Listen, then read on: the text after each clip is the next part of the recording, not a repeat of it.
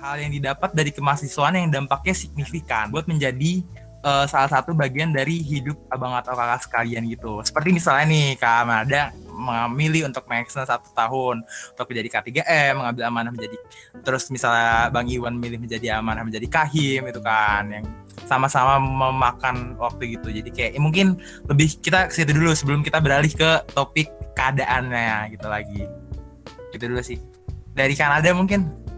Oke, makasih Bet. Um, hal yang didapat dari kemahasiswaan yang dampaknya signifikan. Uh, sekalian buat menjadi bagian menjadi salah satu bagian dari hidup uh, kita sendiri ya.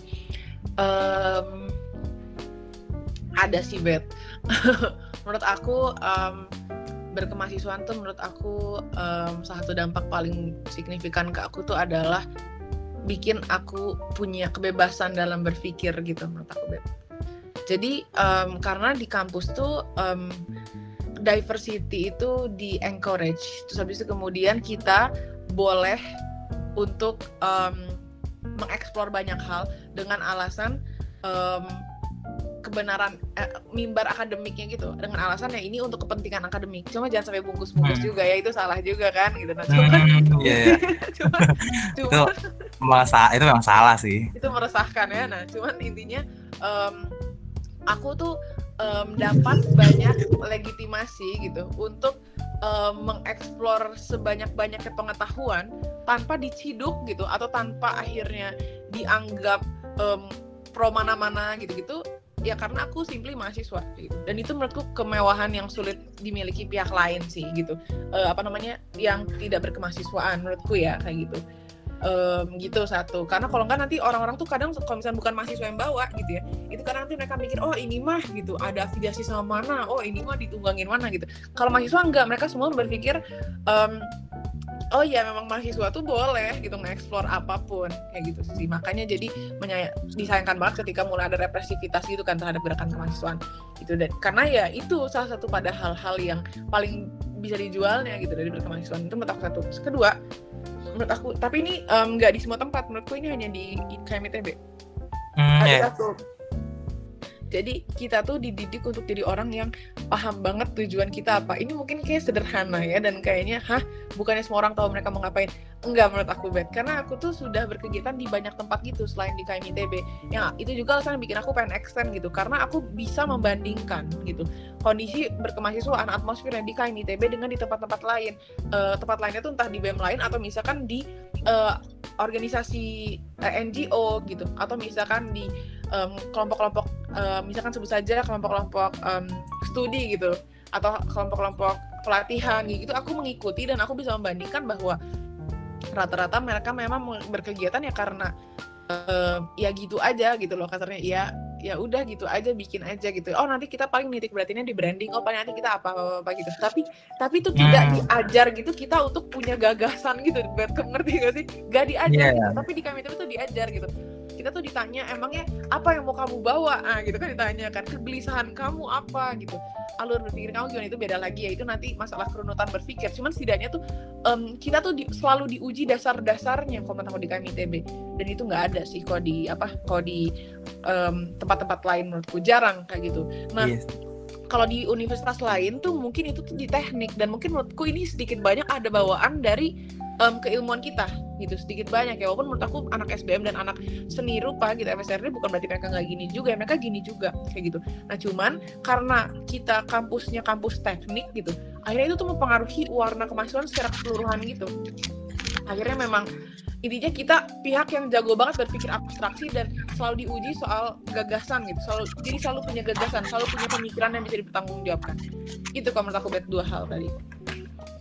Oke bener ya. Ya menurut aku juga kayak kayak itu beda banget gitu loh kemasukannya dan kayak aku nanya-nanya ke teman aku di universitas lain gitu kan definisi kaderisasi mereka tuh beda-beda gitu kan. Jadi kayak bingung loh kayak kayaknya ini definisi kader yang dimaksud anak ini beda deh sama kayak kayak ada perbedaan. Kayak mereka kayak terafiliasi dari hal-hal lain gitu kan yang emang ga, ga, dari gagasan mereka sendiri itu ya sih itulah kenapa akhirnya bet aku tuh kesel gitu ketika mahasiswa di kampus kita tuh ngerasa kayak udahlah kita mah udah nggak relevan atau kita mah gini kita mah gitu. Dan kemudian merasa apa merasa insecure gitu ketika membandingkan diri sama banyak wadah pengembangan diri di luar sana. Karena menurutku cuy gitu. Kalau misalkan kalian pada insecure dan menghentikan uh, apa proses kalian di sini nanti yang mau ngajarin anak-anak itu or, buat menjadi orang yang substansial tuh siapa lagi gitu. Aku pikir gitu lah. Itu bagus gitu sih proses yang bagus. Walaupun mungkin hmm. banyak ya kantong-kantong uh, apa intelektual gitu yang apa pengisi-pengisi yang yang punya kantong-kantong apa salah tokoh-tokoh yang punya kantong intelektual kayak Rocky Gerung kan dia suka jalan-jalan ke mana-mana gitu dan menjadi orang-orang menjadi pihak yang melahirkan banyak pencipta gagasan gitu ya. Nah cuman kalau di ITB tuh masif gitu prosesnya. Itu sih hmm. menariknya menurut aku. Gitu. Walaupun memang kita harus akui sekarang-sekarang udah mulai berkurang juga cuman setidaknya seberkurang-berkurangnya kita tuh better masih better. Gitu bet ini agak berbahaya ya podcastnya kalau disebar ke mana-mana cuman aduh iya aduh. saring-saring aja ya. Iya ya aduh nanti kakak bisa PC aja kalau di bagian mana yang ini. Oke okay. nanti oh ya jadi lanjut aja nih ke bang Iwan deh. Uh, sebagai seorang kahim nih kak. Nih ya bang maksudnya kayak apa sih dampak signifikan kayak berhimpun yang abang rasakan gitu kan dan segala macam kemahasiswaan yang udah abang rasakan gitu sih sebenarnya. Boleh mangga bang? Oke kita dengar ya Bet ya? Makasih Bet uh, atas kesempatannya Bet ya? Oke uh, mau jelasin sebenarnya masalah dampak gitu ya. Dampak ya selama ini jalan ini ngapain gitu? Mungkin ada pertanyaan dari orang-orang ngapain sih lu uh, ikut iri ikut uh, ini ikut ini? Dampaknya apa dah lu gitu. ya, ada pertanyaan itu asli ya, ini mah bang Iwan ini? Ada di mana-mana. Itu beda lah uh, sebenarnya gini bet yang menurutku ya uh, yang menurutku ya benar-benar hal yang benar-benar jadi privilege seorang mahasiswa gitu menurutku adalah dia terbentuk realita yang benar-benar realita bet. Maksudku dalam arti ini yang benar-benar realita ini adalah uh, apa ya uh, ketika kita gitu. Ini aku ini ya konteskan di Patra ya. Uh, ketika salah satu tujuannya ini adalah membentuk suasana kondusif untuk berarti menjadi pemimpin pengabdi dan penggerak gitu di segala bidang kehidupan bangsa gitu kan menurutku ya dari level mahasiswa ini emang harus dipaparkan oleh hal-hal yang tersebut bet. Menurutku ya bet jadi menurutku nih uh, ya gimana gitu kalau misalnya lu ngomong-ngomong jadi uh, jabatan struktural yang ketika di pemerintah atau lu jadi pemimpin dan kawan-kawan tapi ternyata dari awal tuh emang kita nggak dididik buat hal itu. Dan menurutku ya ini yang perlu uh, mahasiswa-mahasiswa yang lain tuh ya dan kita semua ya ya tahu gitu menurut, menurutku ya. Terus yang kedua aku juga sepakat tadi dengan apa yang dikatakan oleh Nada ya bahwa uh, memang tahu banget tujuan hidup. Aku jujur sepakat Ibet karena uh, ketika aku belum masuk ITB jujur aku pun ya nggak sepaham itu sama tujuan hidupku. Aku belum tahu sebenarnya uh, gue mau ngapain sih di sini gitu kan.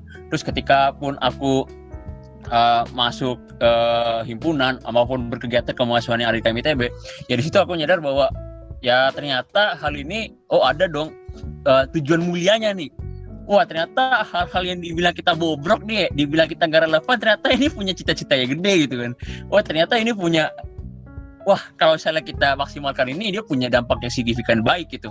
Menurutku itu bet. Uh, jadi uh, apa ya kadang uh, ketika kita emang berasa gitu ya ketika kita emang ingin berinisiatif sendiri gitu untuk uh, berkemahasiswaan menurutku ada suatu dampak jangka panjang yang itu pasti akan berguna di suatu saat nanti gitu, Pak. Meskipun kita misalnya kita kita bicara di sini lembaga, menurutku ya tiap lembaga di KMITB atau tiap bahkan tiap ini ya, tiap tadi ya gerakan-gerakan atau proyek-proyek grassroots gitu, itu pasti adalah bet tujuan jangka panjang itu udah pasti ada bet gitu kan. Bagi kalau uh, ada itu sih, gue lupa siapa namanya itu ada di HBR uh, eh, Leadership Handbook itu kan dia bilang bahwa uh, ketika emang membuat suatu uh, organisasi emang kita harus ada tujuan yang benar-benar itu bisa mengajak semua orang kan. Nah masalahnya hmm. apakah tiap orang di sini tahu gitu sama tujuan hal itu. Makanya menurutku ya selain kita emang paparkan tujuan itu menurutku ya ya kita harus pancing gitu dari orang-orang yang ikut ini sebenarnya dia mau ngapain sih gitu kan. Dia mau bercita-cita apa sih ke depan gitu. Menurutku dari hal-hal ini yang menyebabkan uh, masuk-masuk yang di TB sebenarnya aku juga nggak bisa menggeneralisasi ya tapi uh, kalau saya aku sendiri ya aku oh ini dong tujuannya gitu kan. Terus uh, tadi mau ngomong apa ya? Oh ini yang nada bilang masalah ini ya uh, ini agak nyambung ya tapi yang bahwa sebenarnya oke okay gitu bet bahwa hmm. kita tahu untuk apa keadaan-keadaan uh, bangsa keadaan-keadaan dunia keadaan-keadaan lingkungan bagaimana kita bisa merespon gitu. Uh, menurutku itu adalah suatu privilege yang, yang bisa dilakukan oleh mahasiswa bet menurutku Hmm. Tapi untuk masalah keberpihakan ini ini yang perlu uh, diperhatikan nih bet karena kalau misalnya aku meyakini di ITB ini kan ya kita benar-benar menjunjung kebenaran ilmiah menurutku ya bet menurutku Hmm. uh, objektif mungkin lah kita dalam membenar suatu hal gitu. Uh, tapi salahnya kan ya ada nih orang-orang yang bertanggung jawab nih. Gue nemenin ada kalau misalnya ini ya hati-hati di sebar podcastnya nih. Jadi kan jujur aja nih ya maksudku ini juga ada di lingkungan Patra gitu ya. Maksud uh, sebenarnya gak di lingkungan Patra sih tapi di lingkungan teknik perminyakan di seluruh Indonesia gitu kan. Mungkin ke ya ini gue sebut merek aja ya mungkin Dewan Energi Mahasiswa gitu. Itu sebenarnya kan ya yang kemarin ini ya. Ya, ini ada. Sebenarnya ada ya. ya tunggal ini adalah suatu hal yang enggak eh, nggak jarang di mereka gitu. Makanya menurutku ya itu agak satu privilege juga di kalau salah di ITB yang ya aku juga patut ya sini lah. Eh, salah juga sama abang abang-abang dan ya kakak-kakak yang dulu ini eh, sampai memikirkan hal ini gitu. Dan menurutku ya ini oke banget sih bet. Jadi itu sih bet paling yang kalau dampaknya bener banget sih. Jadi kayak aku juga ngerasa banget jadi kayak wah ini kacam dapat kacamata baru yang nggak dapat di mana-mana gitu loh. Jadinya kayak bisa dapat pembacaan yang wah nggak tahu deh pokoknya jauh undefined kaderisasi yang paling baik ini adalah kaderisasi yang merubah sudut pandang gitu. Menurutku ketika aku masuk ITB emang ini yang berubah gitu, Bet. Ketika aku eh ketika sebelum masuk kuliah, kenapa sih emang eh, mahasiswa kenapa harus turun? Kenapa dia harus nyata sikap atau kenapa dia harus eh, capek-capek sih dibikinin dia bikin A bikin C gitu. Kenapa dia nggak cuma ya udah gitu. Ya udah weh kelas gitu kan. Kelas dapet IP IP 4 terus kerja gitu kan. Cuman ternyata ketika aku masuk oh oh begini ternyata ada sudut ada sudut pandang nih bahwa sebenarnya pendidikan tinggi ini punya cita-cita ini yang eh, selain itu bisa dilakukan oleh pendidikan ya, perguruan tinggi bisa nih dilakukan oleh kita sendiri gitu sebagai insan-insan yang ada di organisasi kemahasiswaan gitu atau ya di dalam lingkungan kemahasiswaan lah oh ini gitu oh oh gue tahu kenapa gue harus ini. Oh gue tahu harus ini harus ini harus ini harus ini. Oh oh gini ternyata. Jadi benar-benar ya ketika aku masuk ITB dan berkemahasiswaan di dalamnya ini ya eh, cukup banyak sudut pandang yang aku berubah lah di sini. Ya insya Allah baik lah ya. Amin gitu. Gitu sih buat paling betul betul betul. Dari aku pribadi juga dapat kacamatanya tuh lensanya banyak gitu macam-macam gitu. Kalau aku bikin kayak DTPB lensa keidealan dulu terus lensa kebenaran ilmiah dan semacam-macam banyak banget kayak keren sih. Oke berarti eh, emang benar-benar bisa berdampak signifikan banget. Itu udah terbukti banget kan? Em, berarti sekarang coba em, balik lagi nih ke ngomongin keadaan kondisi mahasiswa kemahasiswaan sekarang. Kita tahu juga kan kondisi sekarang itu lagi eh, pandemi di mana bener-bener susah banget gitu buat emang eh, ketemu dan segala macamnya bahkan ap- ya mungkin kondisi sekarang lagi new- new- ya katanya yang katanya new normal ini itu jadi kayak orang-orang jadi kalian ke mana-mana. Tapi eh, tidak dapat dipungkiri kayak tetap naik gitu loh angka angka COVID-19-nya kayak tetap naik gitu kak bang gitu. Jadi kayak eh, bahkan kayak Bill Gates aja kayak memprediksi kayak 2022 gitu baru saya wah gimana nih nanti ke depannya kemahasiswaan dan dan segala macamnya gitu. Gitu sih. Jadi kayak dari sudut pandang eh, mungkin dari Bang Iwan dulu nih. Menurut Bang Iwan eh, sebenarnya eh, terkait kondisi ini apa aja sih yang harus kita lakuin gitu?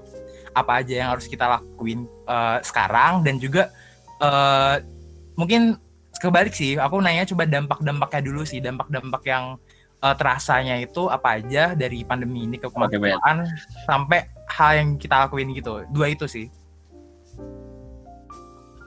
Oke Bet, Eh, terima kasih atas kesempatannya Bet. Eh sebenarnya tentang ini ya, tentang kondisi dulu ya Bet ya berta- berarti ya.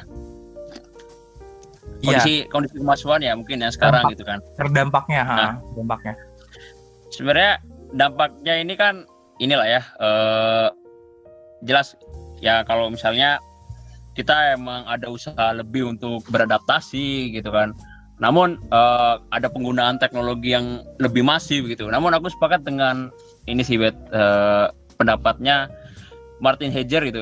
Heidegger gitu kan. Dia filsuf Jerman, dia bilang bahwa teknologi ini tidak memperluas jangkauan manusia terhadap dunia, tapi teknologi ini memperkecil dunia sehingga dapat digenggam oleh manusia. Dan aku sepakat Bet, maksudku eh, inilah ya kadang eh, aku juga pikir apakah ini dunia emang harus shifting gitu apakah kemasan emang harus shifting gitu emang yaudah semua online semua online gitu maksudku di sini ya ya akhirnya banyak yang membuat kok ya banyak gitu aspek-aspek yang hilang apakah kita bisa nih tahu lingkungan sekitar kita hanya lewat ya udah hanya lewat laptop kita tahu gitu tapi aku juga nggak tahu ya maksudku apakah di masa depan kita semuanya full kayak gini atau kayak gimana dan adanya kondisi eh kondisi yang benar-benar terpukul seperti ini ya menurutku jelas ada effort lebih untuk bisa beradaptasi bet. Ya mungkin kalau misalnya bahasanya ini ya uh, bahasanya nada mungkin ini kan the fuka fuka gini ya. Jadi uh, kan volatile certain complexity dan ambiguity ini kan. Sebenarnya gini bet. Yang aku analisis dari Fuka ini ya emang ini kondisinya benar-benar tidak terduga gitu karena banyak faktor yang berpengaruh. Namun kondisi-kondisi seperti Fuka ini yang emang sebenarnya sebenarnya udah lama nih terjadi nih. Contoh ya seabad yang lalu siapa coba yang bisa memprediksi uh, flu Spanyol itu?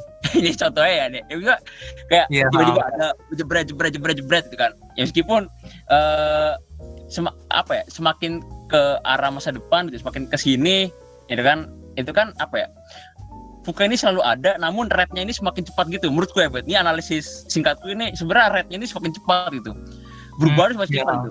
Sebenarnya tuh udah lama gitu, udah lama banget. Cuman ya tiba-tiba udah cepet aja gitu kan. Ya, mungkin eksponensial lah kayak masalah ini kan. Nah, satu itu bet. Terus yang kedua kondisinya lagi ini ini bet. Adanya limitasi dan reduksi dalam penyampaian nilai. Menurutku itu bet. Nah, uh, hmm. ini juga pernah uh, disampaikan juga uh, waktu ini ya, waktu webinarnya Pesika uh, beberapa hari lalu itu pernah bilang si uh, narasumber tuh bilang gitu bahwa emang adanya limitasi dan reduksi dalam penyampaian nilai. Jadi ya uh, kalau misalnya kita kuliah ya mungkin dari aspek kognitif doang lah yang bisa, tahu gitu kan. Dan ya nggak nggak semua bisa kita uh, dapatkan gitu. Kalau misalnya mungkin dari sisi afektif maupun psikomotorik gitu. Dan nggak nggak ya nggak semuanya gitu bisa kita dapetin. Menurutku satu uh, yang dua itu. Terus yang ketiga ini masalah ini bet. Jadi aku rasa ya bet kalau misalnya ada suatu hal yang hilang itu adalah fungsi perguruan tinggi nih bet. Suatu fungsi lingkungan kita itu sebagai representasi sosial. Menurutku gini bet. Karena menurutku apa ya ketika banyak yang bilang bahwa ITB ini adalah wajah Indonesia atau wajah uh, lingkungan kita gitu bagaimana kita bisa melihat kemajemukan yang ada gitu ya. tapi menurutku dengan adaptasi yang sekarang ini menurutku ada suatu hal yang hilang dari perguruan tinggi gitu.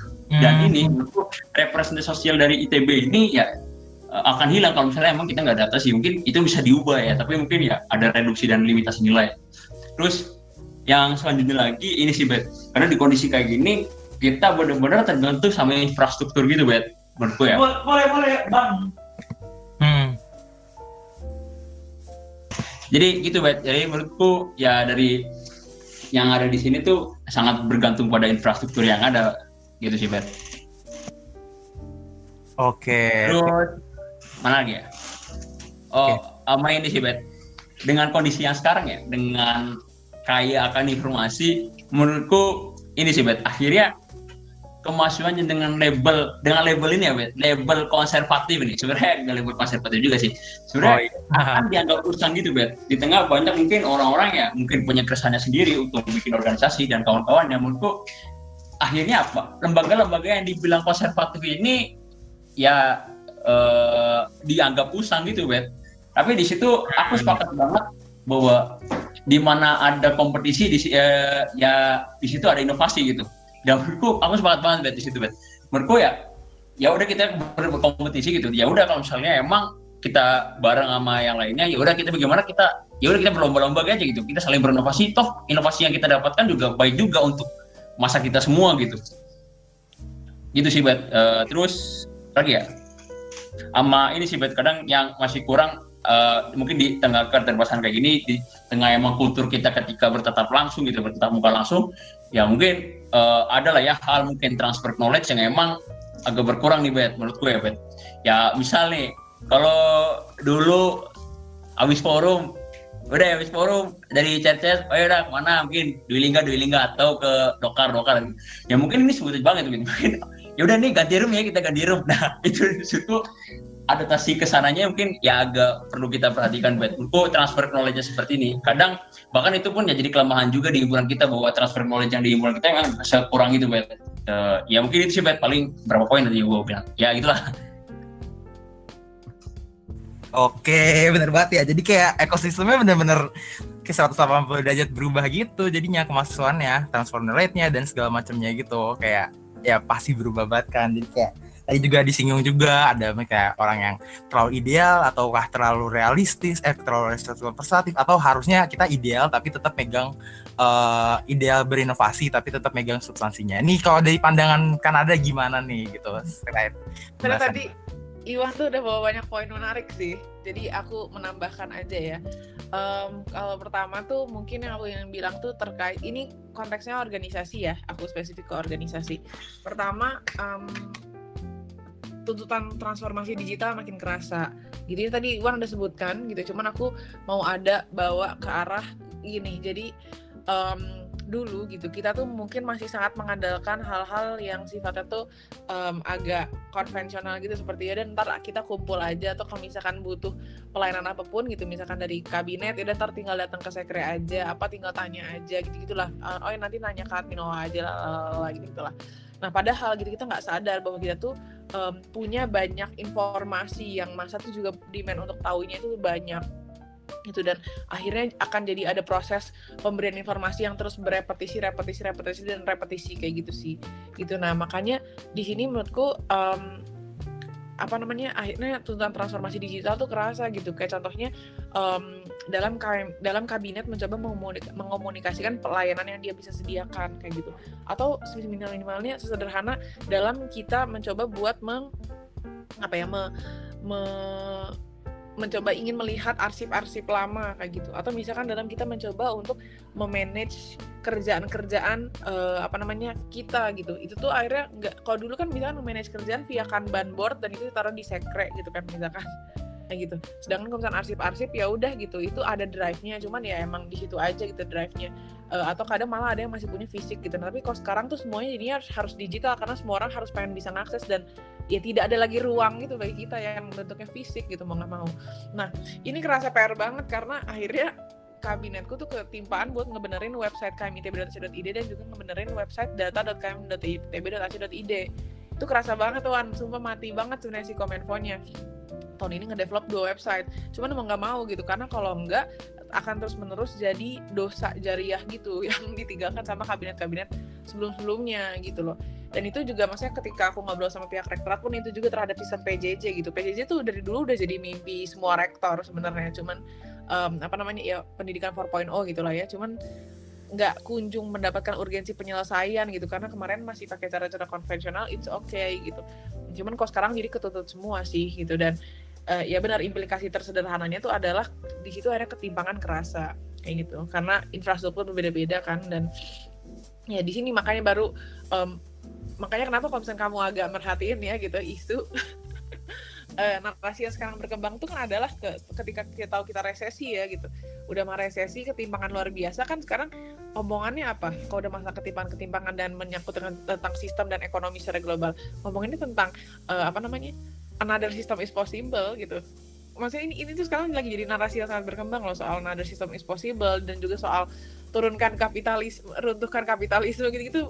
Bet itu tuh jauh banget ngomongnya orang kayak gitu. Nah cuman gara-gara ini gitu ya gara-gara ses ah, gara-gara sesederhana akhirnya semua hal dirubah jadi digital kayak gitu. Akhirnya ketimpangan tuh makin kerasa dan membuat orang tuh dan ya karena ekonomi juga sih ekonomi makin uh, sulit gitu ya. Akhirnya narasi itu bisa bawa ke arah sana dan itu maksudnya efek domino itu gede gitu. Itu yang pertama. Yang kedua walaupun ya sekarang memang akhirnya semua orang tuh terpantik untuk mulai mulai mereduksi ketimpangan dengan ya pemerataan infrastruktur gitu dan juga kemudian mencoba untuk melakukan transformasi digital dengan lebih baik tapi tetap ada yang nomor dua gitu. Um, bagaimanapun kita harus sadar bahwa manusia itu hidup dalam realitas fisik gitu. Bukan uh, dalam um, realitas yang seperti ini gitu. Yang maya seperti ini gitu. Dan akhirnya ya engagement berkurang. Dan kok tadi bahasanya Iwan kan mungkin itu ya apa namanya um, penanaman nilai itu jadi nggak berjalan dengan lancar gitu. Ada budaya-budaya Dwi Lingga gitu atau um, angcis gitu yang atau tatan kue gitu yang tidak terjadi gitu sekarang jadinya gitu. Itu menurut aku emang kurang sih tuh nah ini uh, ada artikel yang menarik itu sih. Mungkin kalian bisa baca yang nulis tuh Kang Yorga. Dia uh, apa namanya dosen di SBM um, dia intinya nulis di medium gitu ya simpang pengawan dia bilang new normal jangan sampai salah kaprah. Dan di situ dia bilang gitu bahwa jangan sampai ke digital digitalan ini gitu akhirnya uh, apa? Iya gitu. Nah apa namanya jadi siapa si uh, apa namanya ke digital digitalnya itu jangan sampai jadi euforia yang salah gitu sih salah kaprah gitu karena uh, nyatanya banyak hal yang tetap tidak bisa tersampaikan sebagaimana seharusnya gitu. Nah, lalu yang ketiga gitu ya, menurut aku yang juga tertantang gitu, itu tuh adalah um, planning organisasinya gitu. Jadi gimana ya? Kalau dulu tuh kita um, sangat nyaman dengan proses planning satu kali gitu, yang mana atau dua kali lah seminimalnya LPDTT gitu. Nah, tapi sekarang gitu.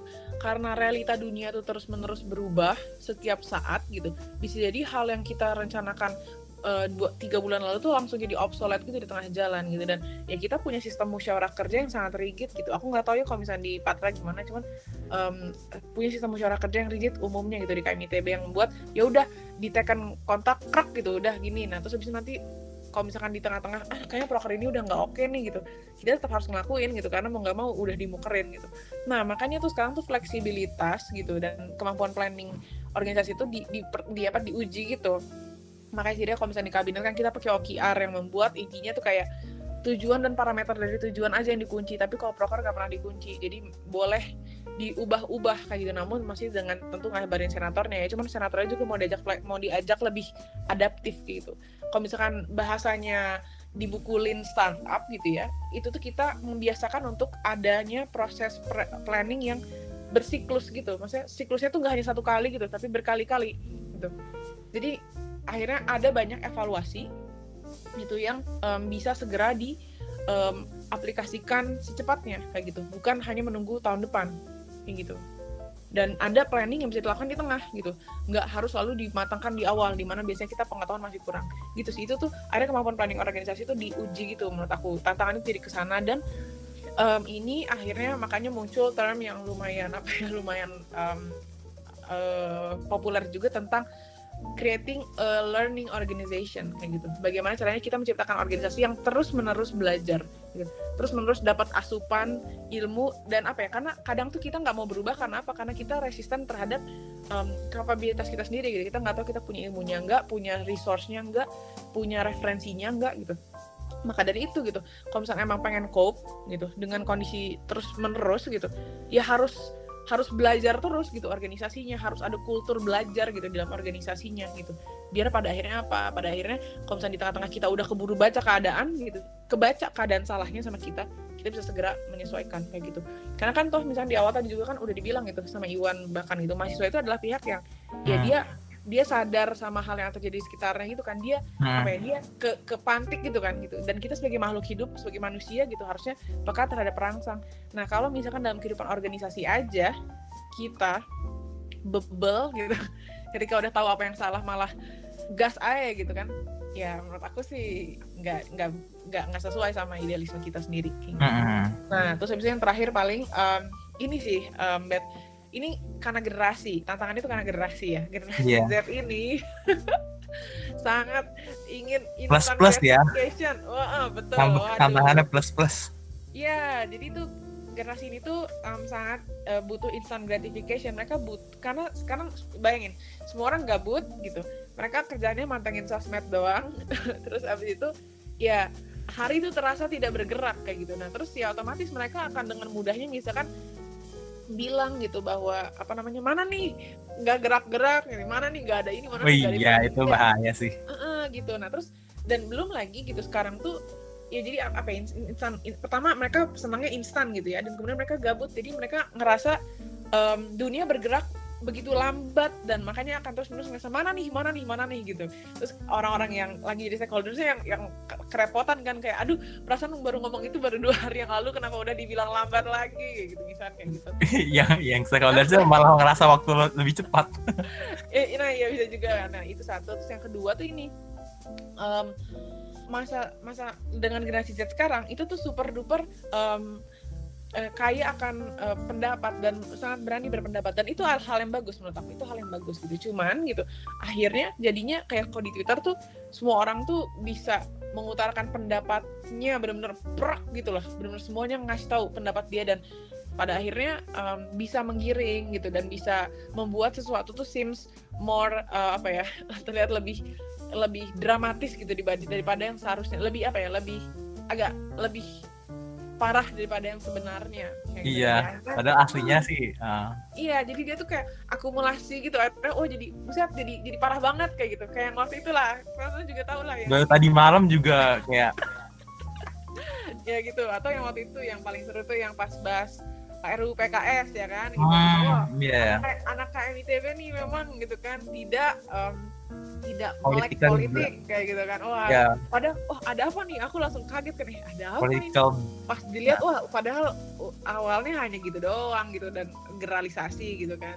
Oh iya iya deh oke lah gitu. Itu nah itu tak cuman akhirnya gitu akhirnya tertuntut lah untuk uh, organisasi-organisasi itu memahami masa gitu. Maksudnya baca masa gitu. Masa apa sih yang lagi berkembang di masa karena informasi cepat banget masa semuanya suka ngomong dan mereka nuntut hal-hal tuh cepat kayak gitu. Makanya jadi um, tantangan itu adalah ya organisasi bagaimana caranya mereka bisa bisa sebaik itu kemampuan baca masanya ngikutin yang berkembang di masa bisa kemudian juga cukup taktis gitu. Dalam ngapa-ngapain ngerespon apa pun kayak gitu. Dan yang terakhir harus punya kemampuan untuk melakukan komunikasi publik yang baik kayak gitu. Gitu karena ya ntar kalau misalnya salah-salah kan jadinya wah um, terkesan defensif atau salah-salah wah kesannya jadi kayak um, apa ngelantur atau malah jadi gimana gitu. Itu makanya harus disesuaikan gitu. Ya gitu itu lumayan sih bet menurut aku. Uh, cukup bisa merepresentasikan tantangan-tantangan sekarang. Nambahin bet nambahin bet boleh boleh. Mangga bang gimana bang? Oh ya saya ini terpandi juga tadi. Masalah terus knowledge ya bet saya agak dikit sih bet sebenarnya ini jadi uh, apa sebenarnya punya apa ya bukan uh, punya suatu mimpi yang ingin dititipkan gitu. Untuk mungkin kayak selanjutnya uh, bisa nggak lu buat ini? Atau bisa nggak lu mungkin lu ngobrol nih atau lu buktiin bahwa kan ada nih kita kan buku besar ada tuh. Kan di buku besar dibilang bahwa ada suatu hal yang nilai gitu suatu nilai yang nggak boleh hilang nih. Dari dari patra generasi pertama sampai akhir itu ada yang nggak boleh hilang itu ada dua hal. Yang pertama kepeloporan dan nasionalisme katanya dua hal ini. Makanya bisa gak lu validasi ini? Coba lu tahu atau carilah lu draft-draft kepengurusan atas atas lu gitu. Mungkin hmm. sampai kayak pertama lu nih. Mumpung kayak pertama ya eh, si ada lah ini kan. Si kira kan gitu tanya sama, sama dia gitu. Emang bang lu bawa apa sih bang? gitu. Nah barangkali mau ya. Nah sebenarnya itu sih bet. Ya gitu. Terus yang kedua ini sih bet. Kadang ini juga ya ini juga agak uh, lamban juga di himpunan kita ya. Bahwa aku sepakat kadang muker ini kadang mekanisme yang perlu diubah gitu. Meskipun kalau saya tadi ada sebagai OKR itu yang perlu di perlu diadaptasikan. Uh, satu itu. Terus yang kedua bahwa perlu yang dibilang analkon ini emang harus terus menerus gitu bet. Jadi menurut gue kalau misalnya ada uh, ketua yang bilang lo gue udah analkon di awal nih waktu gue jawabannya lah nih. Nah itu menurut gue perlu dilakukan. nih? Perlu dilakukan. Tadi ya kan ya aku yang bilang tadi bilang bahwa Fukata emang udah lama, tapi semakin sekarang tuh MR-nya semakin cepet gitu, Bet. Jadi mau gue mau emang harus sering analkan gitu. Dan ya sebenarnya itu agak mulai udah diadaptasikan sih kalau misalnya di Patra ya.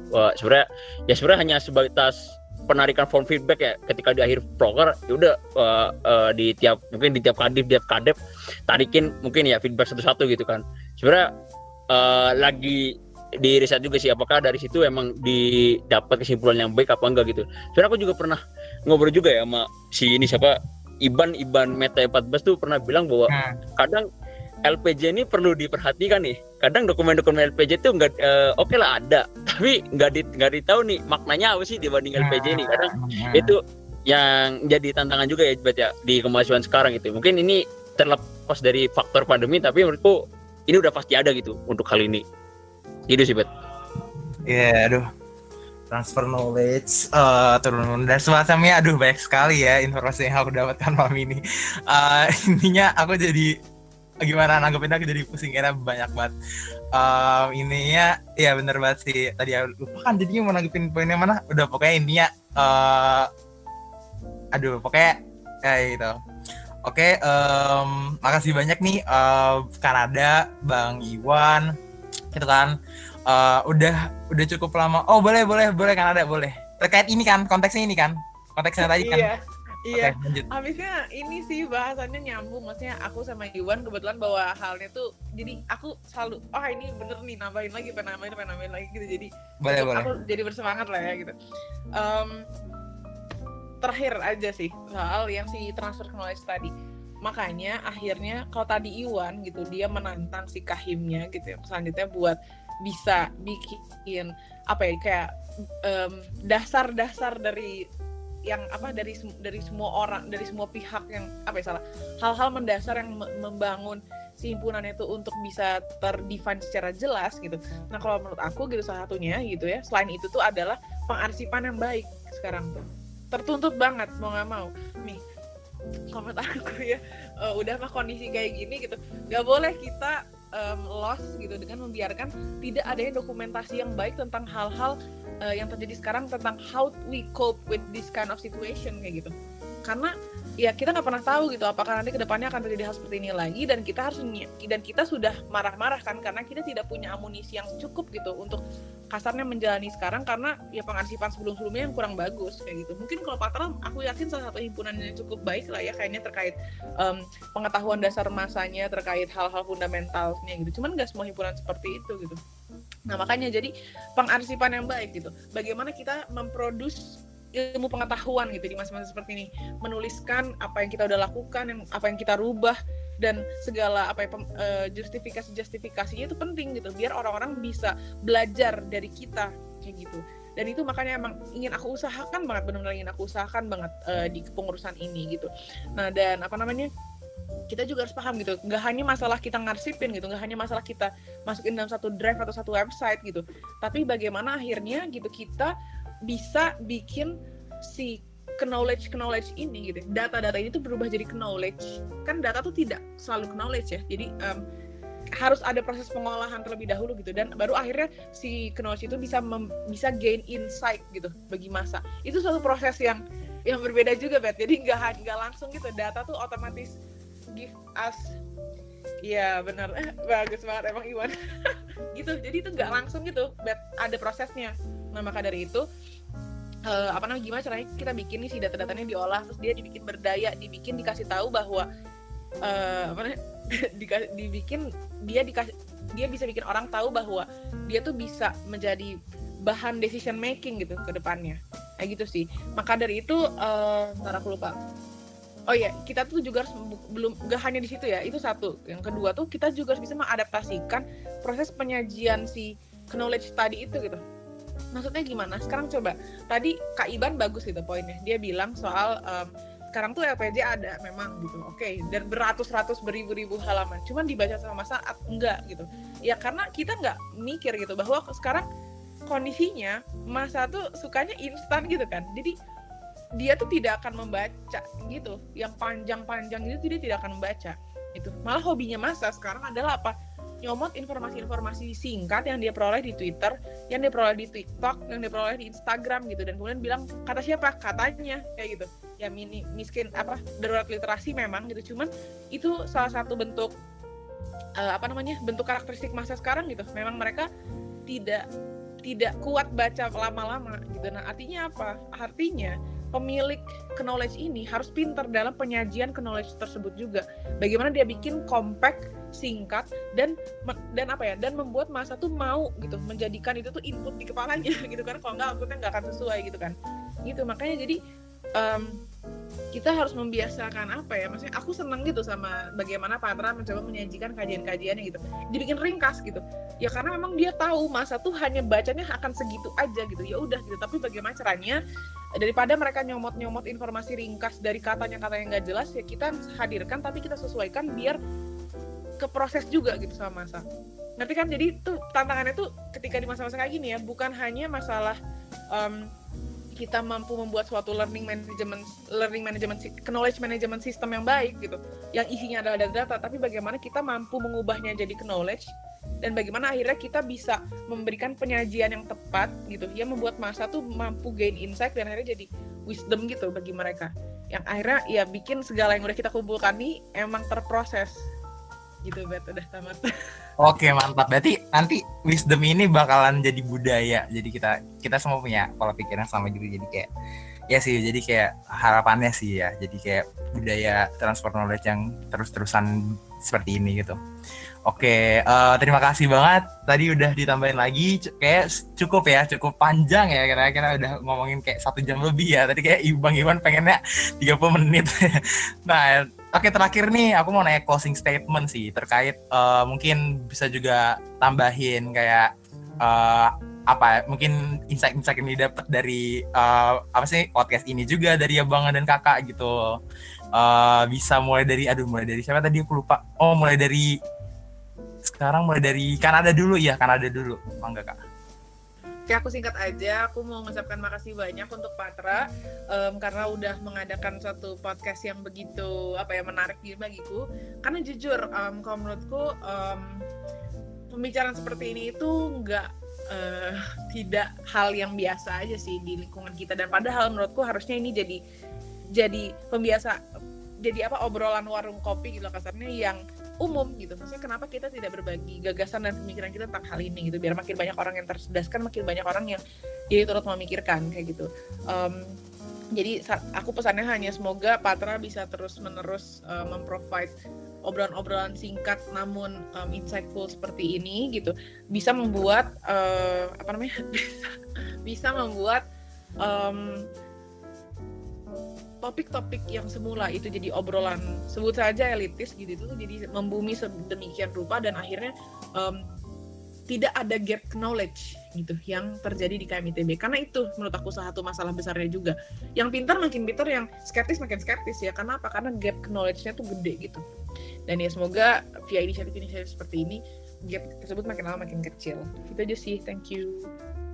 Oke dari Bang Iwan nih. Closing statementnya gimana Bang Oke, uh, terima kasih ya Bet atas kesempatannya. Uh, terus juga ter uh, terima kasih juga buat Badan Kesenatoran, Madeo juga. Terus terima kasih juga nih buat bintang tamu Nada, Zarvania, Zuhaira. Ya. Jadi sebenarnya ini sih Bet. Harapannya kalau misalnya ini ya uh, dengan adanya podcast ini harapannya dengan transfer knowledge yang ada tuh ya semakin banyak orang yang tahu bahwa oh ternyata gue uh, ini loh ada mimpi terhadap mahasiswa gitu. Oh ternyata mahasiswa seharusnya kayak gini dong atau oh Oke lah tadi banyak nih oh konsiderasi konsiderasi konsiderasi di organisasi kemahasiswaan tuh apa aja sih? Oh ini oh, oh. jadi mungkin oh gue oke okay lah gue punya keluarga nih gue punya lembaga gue punya uh, organisasi ini atau gue nggak punya tapi gue punya mimpi nih gue pengen ngubah ini ngubah ini jadi lebih baik. Ya gue kalau misalnya bahasa bahasa di ini ya bahasa di konsepsi kan itu membentuk masyarakat madani. Oh anjir gue pengen membentuk masyarakat madani pisan eta gitu kan. Dan ya harapannya sebenarnya ini sih jadi orang-orang yang semakin orang yang seperti itu semakin banyak gitu. Jadi ya ya entah jumlahnya berapa atau gimana tapi aku rasa aku ya aku pengen ini ya ngutip kata-katanya Bima waktu LPJ dia bilang ya himpunan itu butuh orang orang sedikit tapi militan gitu. Sekalinya sedikit tapi militan banget daripada banyak tapi ya ogah-ogahan gitu. Ya maksudku ya orang-orang yang ngerasa orang-orang yang pengen akan ke kebenaran oh gue pengen dong uh, himpunan ini benar atau gue pengen dong kemasukan ITB ini benar. Yaitu orang yang semakin banyak itu semakin banyak gagasan kan semakin baik semakin banyak pertarungan-pertarungan ide yang menjadi konklusi yang oke okay lah gitu kan. Dan harapannya uh, ya yang dikatakan mungkin uh, dari kami gitu ya mungkin dari nada mungkin ada tuh integratif atau dari aku garda intelektual ya uh, mungkin harapannya bisa terwujud lah mungkin di urusan ini. Uh, dan harapannya juga ya aku juga ya eh, nggak uh, masalah gitu. Mungkin kalau misalnya uh, calon ketua himpunan selanjutnya menganggap pengurusan buruk oke gitu. Karena uh, setiap pengurusan tuh harus ada yang dievaluasi dan aku benar-benar terbuka kalau misalnya lu kritik gue ya oke gitu karena gue yakin banget apa yang lu katakan misalnya lu bener-bener uh, itu adalah suatu kebenaran ya udah gitu. Lu benerin himpunan ini ayo gitu. Nah harapannya ya itu juga berlaku di KMITB maupun di Patra maupun di himpunan-himpunan maupun di ya udah di lingkungan kemahasiswaan yang ada sekarang gitu. Jadi harapannya seperti itu sih paling itu terima kasih. Oke Terima kasih banyak abang dan kakak sekalian. Uh, Oke okay, aku sendiri sebagai moderator cukup banyak insightful ya uh, dari dapat dari sesi podcast malam ini. Eh, hari, ya sesi podcast yang ini teman-teman semua yang yang ngedengerin sekalian gitu, tolong banget kalau misalnya emang ini dirasa uh, insightful banget dan penting untuk sekitar kita coba tolong di share gitu di snapgramnya mungkin kayak uh, tambahin insight-insightnya dan juga bareng dengerin bareng teman-teman sekosnya atau se warkopnya tadi kayak tekan ada gitu. Bisa banget kan? Terima kasih banyak uh, goodbye teman-teman semua dan Kanada makasih banyak ya kak. Uh, makasih banyak juga Bang Iwan. Uh, see you on the next podcast